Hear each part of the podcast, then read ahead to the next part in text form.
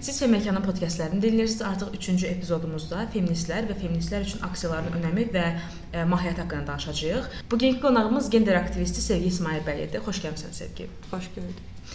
Bilirsən ki, ümumiyyətlə bir feminist kimi və 2-3 ildir bundan ciddi şəkildə məşğul olan bir insan kimi, aktivist kimi, ə, belə deyək, aksiyaların rolu və əhəmiyyəti sizin üçün bilirik ki, önəmlidir. Bəs ümumiyyətlə bu rol belə deyək, əhəmiyyəti nədən ibarətdir? Biz aksiyaları əslində müəyyən səbəblərimiz və müəyyən gözlədiyimiz şeylər var. Buna görə edirik, haqqlarımızı tələb etmək üçün çıxırıq. Ümumiyyətlə biz həmişə bunu təbliğ edirik ki, 8 mart gül çiçək endirim günü deyil, 8 mart yürüş etiraz günüdür. İndi bunu biz tam olaraq aksiya adlandırmırıq. Bunu yürüş adlandırmaq daha məqsədə uyğun hesab olunur. Çünki biz ə, bu tarixdən gələn bir şeydir. Bunu biz kəşf etməmişik, bunu biz Azərbaycan qadınları çıxartmamışıq. Biz aksiyalardan əvvəl, yürüşlərdən əvvəl bəyannamə təqdim edirik və icazə alınır müəyyən yerlərdən, lakin təbii ki, icazə verilmir və biz də icazəli şəkildə yürüşlərimizi keçirməyə məcbur oluruq. Biz yürüşlərdə ümumiyyətlə nə istəyirik? Biz əsasən İstanbul Konvensiyasının qəbul olunmasını istəyirik, hansı ki, gender bərabərliyini təmin eləyir cinsiyyətindən, cinsi kimliyindən, dinindən, dilindən, irqindən asılı olmayaraq bütün şəxslərin bərabər olmasını tələb edirik, hansı ki, İstanbul Konvensiyası da onsuz da buna görədir. Biz əsasən tələbimiz budur. Zaten İstanbul Konvensiyası özündə hər şeyi toplayır. Kollektiv abortlar, erkən nikahlar, həmçinin təhsil problemi də buna daxildir. E, lakin biz həmişə aksiyalardan sonra əsas aldığımız rəy bu olur ki, niyə siz e, namus, qeyrət bunları sorğuluyursunuz, amma niyə təhsili qabartmırsınız? Biz əslində baş salmağa çalışırıq ki, okey, təhsilsiz də bizim problemimizdir. Rayonlarda nə qədər təhsil ala bilməyən qadınlar var. Amma bu cinayətlərin əsas səbəbi namus üstündə törədilir. Cinayətlərə baxsaq, əgər statistikalara əsas götürsək, ə, nə qədər qadın namus üstündə öldürür? Yəni hansı qadın görmüsüz ki, təhsil üstündə öldürülsün? Əsasən cinayətlərin səbəbi namusdur. Ona görə Biz təbii ki, təhsildə bizim problemimizdir. Biz təbii ki, orada nə qədər plakatlar olur, hamısında fərqli-fərqli mövzular var. Hamısına bir-bir açıb baxa bilərsiniz. Təhsil də öz yerində. Onda 3 ildir artıq bu 8 martda olan aksiyalar bütün dünyada olduğu kimi Azərbaycanda da baş verir və yaxşı ki, baş verir. Həmçinin e, dünya e, belə deyək, bu polis zorakılığına məruz qaldığımız üçün bu gözlənilmədən artıq geniş miqyaslı artıq beynəlxalq mediada da öz yerini tutur. Biz görürük artıq bir çox fərqli Avropa və ya Amerika qəzeti və ya jurnalı sizin haqqınızda yazmağa başlayıb. Bəs və sizin tələblərinizi və müddəalarınızı olduqca açıq-aydın ifadə elədim.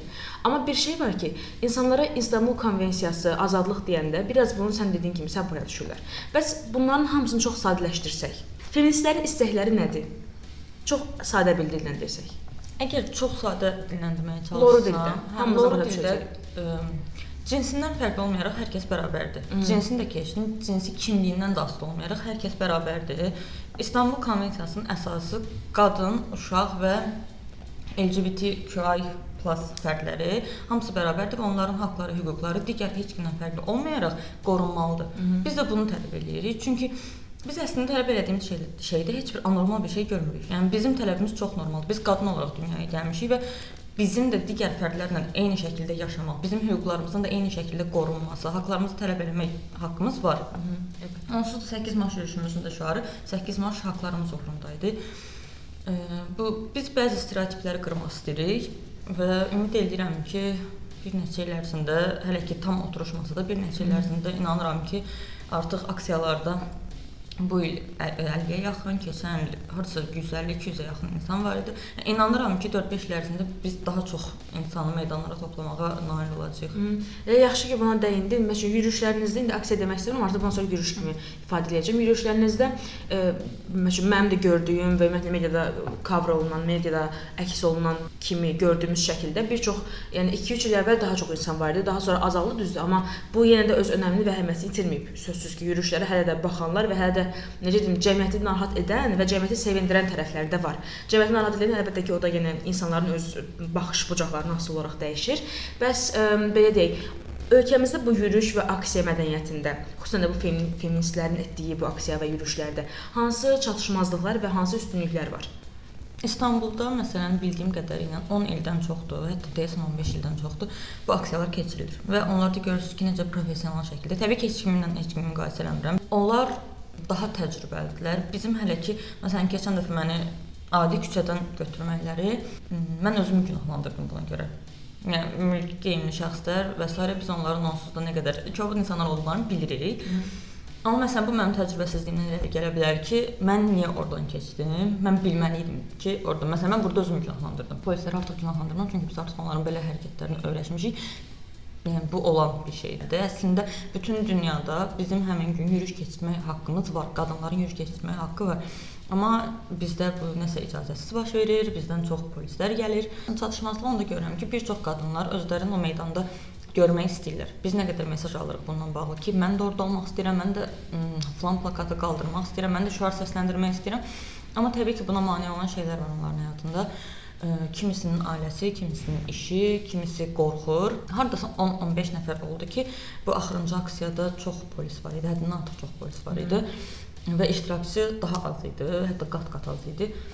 Kənardan polisləri görüb çəkilənlər oldu. Hansı ki, bizlə plakat günündə iştirak eləmişdilər, hansı ki, Artıq plakatları var idi, şüar səsləndirməyə hazır idilər, gələcəkdilər. Polisləri görüb geri çəkildilər. Bu da ondan irəli gəlir ki, insanlarda biraz necə deyim, tam özlərini hazır hiss eləmirlər. Çatışmazlıq budur ki, tam özlərini hazır hiss eləmir. Təbii ki, biz aksiyaya gəlməyə heç kimi qınamırıq. Hamının öz şəxsi hür iradəsidir, ora olmaq, o ya da olmamaq. Yəni bizi sosial şəbəkələrdən dəstəkləyənlər də yetər qədər var. Tamam, ə, təhqir edənlər, tənqid edənlər daha çoxdur. Amma biz tənqidlərə həmişə açığıq, təhqirlər biraz çoxdur. Amma yenə də bir o qədər də tərifləyən var, bir o qədər də tərəfimizə tutan, o meydanda olmaq istəyən var. Yəni biz əslində elədiyimiz şeylə çox fəxr edirik, özümüzlə qürur duyuruq ki, biz həmin gün orada olmalıydıq və orada olduq. Biz 8 mart evimizdə yox, meydanda keçirdik. Onsuz da o təhqir edənlər istənilən yerdə o təhqir edənləri görmək mümkündür. Sosial şəbəkələr biraz o azadlığı onlara verirlər və onlar düşünürlər ki, mən bu azadlığımı, bu söz azadlığı deyilən şey əgər varsa belə, onu cəmaata söyərək istifadə edeyim və bu olduqca anlaşılan və insanlara artıq mənə də elə gəlir ki, siz artıq bunlara heç əhəmiyyət də vermirsiniz. Çünki biz heç onları oxumuruq belə. Hətta bizim Mütəşəm. oxumadığımızı görüb inboxumuza yazanlar da olur. Hı. Yəni onları da blok eləyib keçirik. Çünki tənqidləri yenə deyirəm, qəbul edirik, blok eləmirik. Bəlkə kimisə məsləhəti var, bəlkə kimsə bizim hansı çatışma cəhətimizi bildirmək istəyir. Bunlar okeydir bizim üçün. Amma təhqir və daha artıq arqo ifadələr, daha artıq e, vulqar ifadələr keçəndə biz artıq təbii ki, blok edirik və heç üz-göz olmuruq. Əla. Sən bayaq qeyd elədin elə məsələn Türkiyədə və digər ölkələrdə daha ə, təcrübəlidirlər, artıq nə etdiklərini və nə hərəkətin hansı nəticələri ola biləcəyini artıq bilirlər və sözsüz ki, biz sizi buna görə necə deyim, çox yüksək qiymətləndiririk ki, siz bunu başlamısınız və bunu davam edirsiniz. İstənilən ə, belə deyək, çətin və pis məqamda, xoşa gəlməz məqamda yenə də etirazdan çəkinmirsiniz və davam edirsiniz. E, bəs bu etiraz yürüyüşdən başqa hansı formalara keçid edə bilərsiniz? Nələr düşünürsüz ümumiyyətlə ki, yürüyüş fem feminist olaraq yürüyüş elədiniz 8 martda, bəs etirazınızı daha başqa hansı formalarda bildirməyi düşünürsüz gələcək illərdə? Bizim ölkədə yenə deyirəm çox təzədir. Biz bunları hələ görmürük, amma başqa ölkələrdə nəzər yetirsək, yəni həqiqətən çox formaları var. Məsələn, əlinə mikrofon alıb çöldə danışanlar var, küçədə danışanlar var. Bizdə hələ ki bu mədəniyyət inkişaf eləməyib. Mədəniyyət inkişaf eləyib, lakin cəmiyyət buna hazır deyil. Daha ağır plakatlar qaldırılır, daha ağır şəkildə etirazlar olunur və bizdə hələ ki cəmiyyət buna hazır deyil. Özünüz də biz keçən ilki plakat nə qədər bizim aksiyamıza zərər olmuşdu. Hı -hı. Yəni insanlar bizim bütün məqsədlərimizi kənara qoymuşlar və sadəcə bir sözdən yapışmışdılar ki, feminist aksiyasında həmin söz olmağı da çox normal bir hadisədir. Amma təbii ki, bizim cəmiyyət buna hazır deyil. Başqa biz nələr eləyə bilərik? Əslində bunu deməyim o qədər də düzgün çıxmır. Artıq ə, insanları ya da bizə qarşı olanları xəbərdarlıq eləmək kimi baxanlar biz bunu eləyəcəyik. Başqa hansı formalara sirayət edə bilər ki, məsəl üçün siz bu gün yürüyüş elədiniz, sabah bu küçə sənəti də ola hə, bilər, məsələn, küçə performansı ola bilər. Biz bu yaxınlarda biz deməyim, Femtopia adlı ə, Azərbaycanın ilk feminist YouTube kanalıdır, maarifləndirici əhəmiyyət daşıyır. Bu yaxınlarda Femtopiyanın təşkilatçılığı ilə ilk feminist ə, etiraz musiqilərinin səsləndirildiyi konsert keçirildi. Və bu da etirazın bir növüdür. Orda Fərqanə Abdullah, Aytac Fərəd, Günay Süleyman və s. kimi insanlar ə, öz musiqilərini təqdim edirdilər. Təbii ki, qapalı keçirildi konsert, çünki bilirsiniz ki, pandemiya və s. kimi qadağalar var idi. Ə, bildiyim qədərilə 6 martda Femtopian kanalında yayımlandı canlı şəkildə və əslində yaxşı da maraq olduğunu gördüm. Mən özüm də izləyicilərdən biri idim Yəni məncə ə, bizim cəmiyyət üçün hər halda biz o qədər də inkişaf eləməmişik bu mövzuda. Bizim cəmiyyət üçün məncə yaxşı maraq oldu və danışıldı. Tənqidlər də oldu, təriflər də oldu. Məncə müəyyən qədər diqqət çəkməyə bacardılar. Yəni bizə olunan hər şey bizim atdığımız hər kiçik addım bizə böyük bir şey kimi görünür. Biz çünki özümüz onu qiymətləndiririk, özümüz öz elədiyimiz şeyi tərifləyirik, özümüz öz elədiyimiz şeylə qürur duyuruq. Buna görə bizim üçün ə, ən kiçik etirazımız belə sosial şəbəkələrdə adi bir etirazımız olsun, hansısa bir hashtag olsun, hansısa bir kiməsə dəstək olsun, kimisə şiddət görən qadınlara ev tapmaq olsun, onları ə, məcbur qaldıqları yerdən xilas etmək olsun. Yəni adi bunlar belə bizim üçün həqiqətən etirazın növü kimi hesab edirik. Məncə pis də davam eləmirik. Bəs məncə hər dəfə cəmiyyətdə, yəni sözsüz ki, istər qadın cinayətləri olsun, istər qadın intiharları olsun və s. və axır bu kimi, yəni adını çəkə biləcəyimiz nə qədər hadisə baş verir və bunların hamısı cəmiyyətdə rezonans doğurur. İstər siz feministlər kimi, istər biz cəmiyyətin ə, müxtəlif belə deyək vəzifələrindən, peşələrindən asılı olmayaraq dəyişən cəmiyyətin nümayəndələri kimi bu mövzulara həssas yanaşırıq. Amma görürük ki, bu mövzuya nə qədər həssas yanaşsaq da, hamı bu haqqda danışsa da, bunun ardı gəlmir.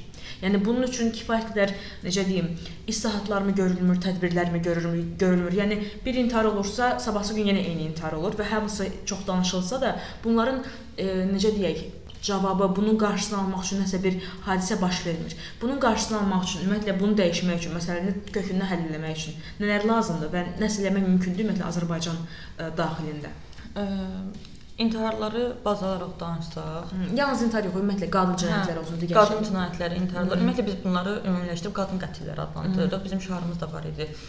4 fevral aksiyası keçirmişdik. Az adam idik, 6 nəfər idi hökumət evinin qarşısında. Əsasən niyə hökumət evinin qarşısında? Çünki hökumət evində Ailə Qadın Uşaq Komitəsi yerləşir və işlərini yetəri qədər hətta heç görmədiklərini düşünürük. Yəni onlar əslində istəsələr, ailə, qadın, uşaq cəmiyyəti olaraq qadınların əksəriyyətinə kömək edə bilərlər ki, onların bu büdcəsi də olmalıdır. Çünki adamlar hökumət evində yerləşiblər. Onların bu büdcəsi də var, onların bu öhdəlikləri, bu məsuliyyətləri, nə bilim, bu istəsələr eləyə bilərlər. Amma heç nə eləmirlər, onlara yerlərində oturmaq, müraciət edib nəsə deyəndə, hə biz bundan maraqlanacağıq deyib yola verirlər və əsla maraqlanmır. Hətta qadın qətilləri siyasi şüarımızı başa düşməyənlər də var idi. Biz Femtopia kanalı bununla bağlı çox yaxşı bir video çəkmişdi. Orada daha açıqlayıcı idi. Mən də o qədər uzun danışmaq istəmirəm, amma qadın qətilləri niyə siyasidir? Sualını ayrıca buradan da görə bilərik ki, dövlət bununla bağlı heç bir iş görmür.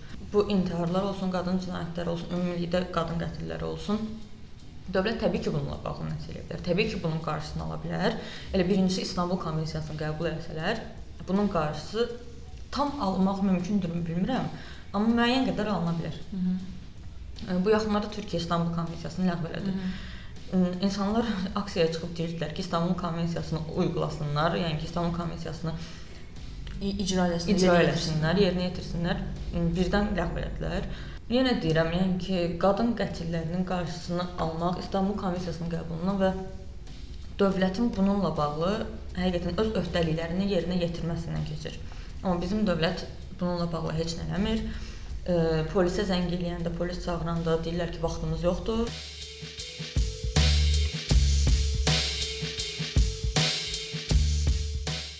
Hə, 22 martda belə bir hadisə baş verdi, bilmirəm görmüsüz ya, sosial şəbəkələrdə artıq çox yayılıb. E, kişi ağac budağı ilə öz yoldaşını döyüb e, və qadın uşaqlara vermək istəmir. Uşaqlara da vermək istəmir.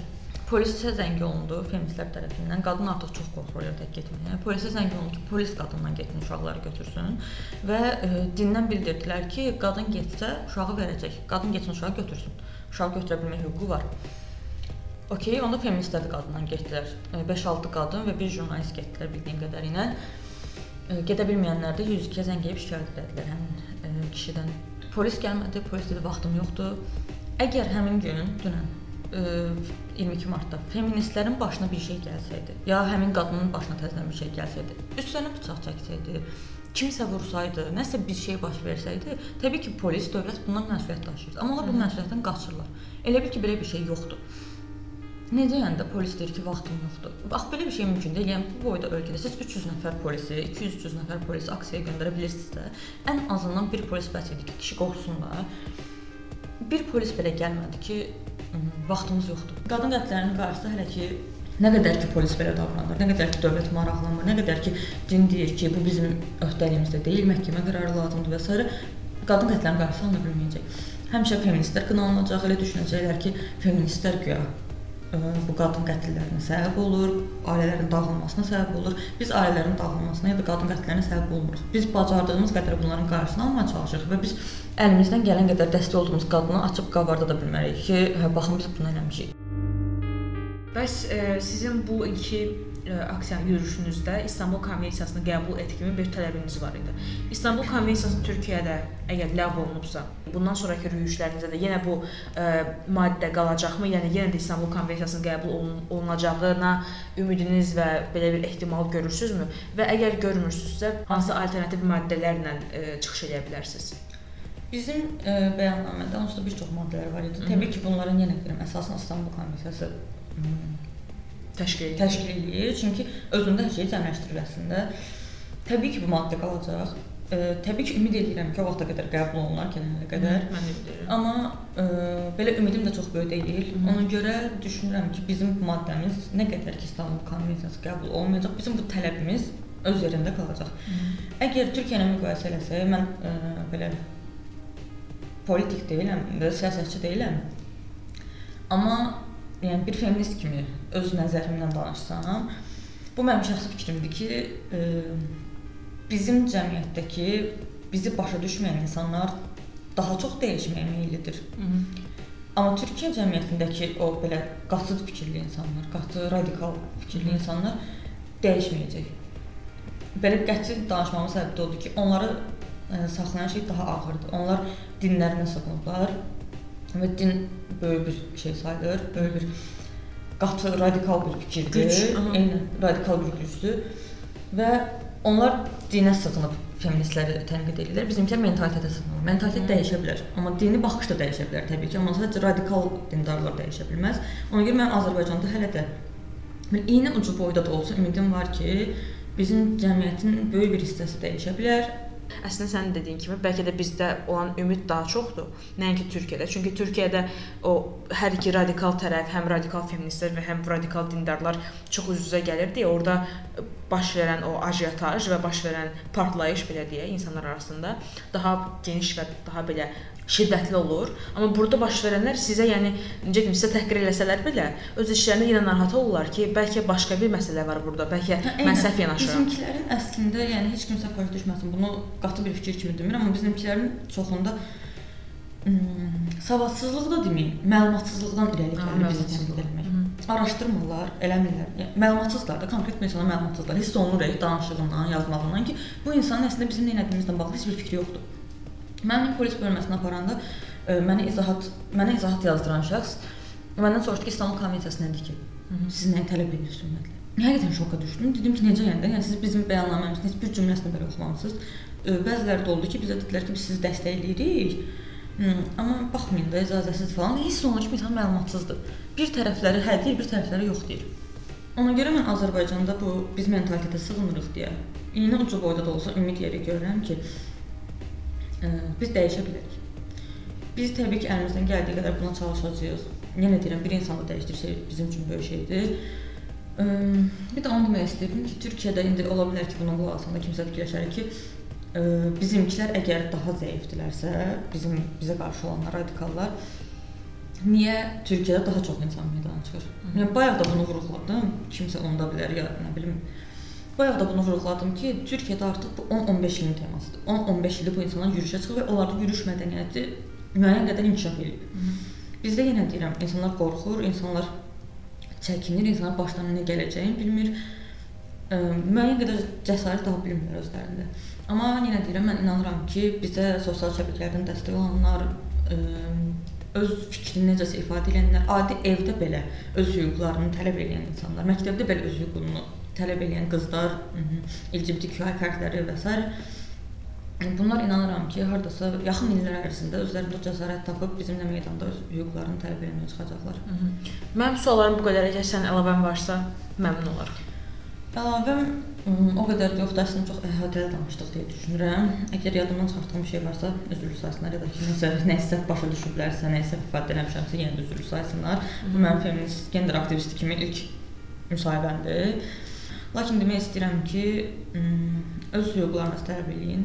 Həqiqətən mən o gücü özünüzdə hiss eləmək, yəni adicə çıxıb etiraz eləyib qışqırmaq belə orada öz haqqlarını xahiş eləmək yox, tələb eləmək bu öz içində baş verən bir inqilabdır. Öz içində özümü inqilab eləmiş hesab edirəm və bunu artıq geniş kütlələrə duyurmaq istəyirəm və həqiqətən o meydan çox fərqli bir yerdir. Yəni hamı gəlsin, haqqlarını, hüquqlarını tələb eləsin Əgər gələ bilməyən də varsa, işində, ailəsində problem edən varsa, öz evində, öz məktəbində, öz işində harda hüquq pozuntusu hiss eləyirsə, öz hüquqlarını tələb etsin. Çünki sizin buna haqqınız var. Heç kim də bəs heç kim də sizi qınaya bilməz ki, sən niyə hüququnu tələb edirsən. Bu inqilabı öz içinizdə eləyin və daha sonra daha böyük kütlələrə çata bilərik. Çox sağ ol Sevgi bu gün gəldiyin üçün, bu ətraflı izahların üçün və cavablar üçün. Ümid edirəm ki, ən azından sənin dediyin o iynə ucu boyda da əgər dəyişiklik eləyə bilsək və bu podkast lazım yerlərə çatsa, elə bizim hamımız üçün də bu bir böyük bir uğur, böyük bir necə deyim, mission completed olacaqdır. Yəni bizim artıq missiyamız burada necə deyək, öz yerinə çatdı və biz lazım olan şeyi elədik. Və siz Fem Məkanın podkastını dinlədiniz. Gələcək bölümlərdən xəbərdar olmaq üçün Instagram və Facebookda bizi izləməyi unutmayın. Sağ olun.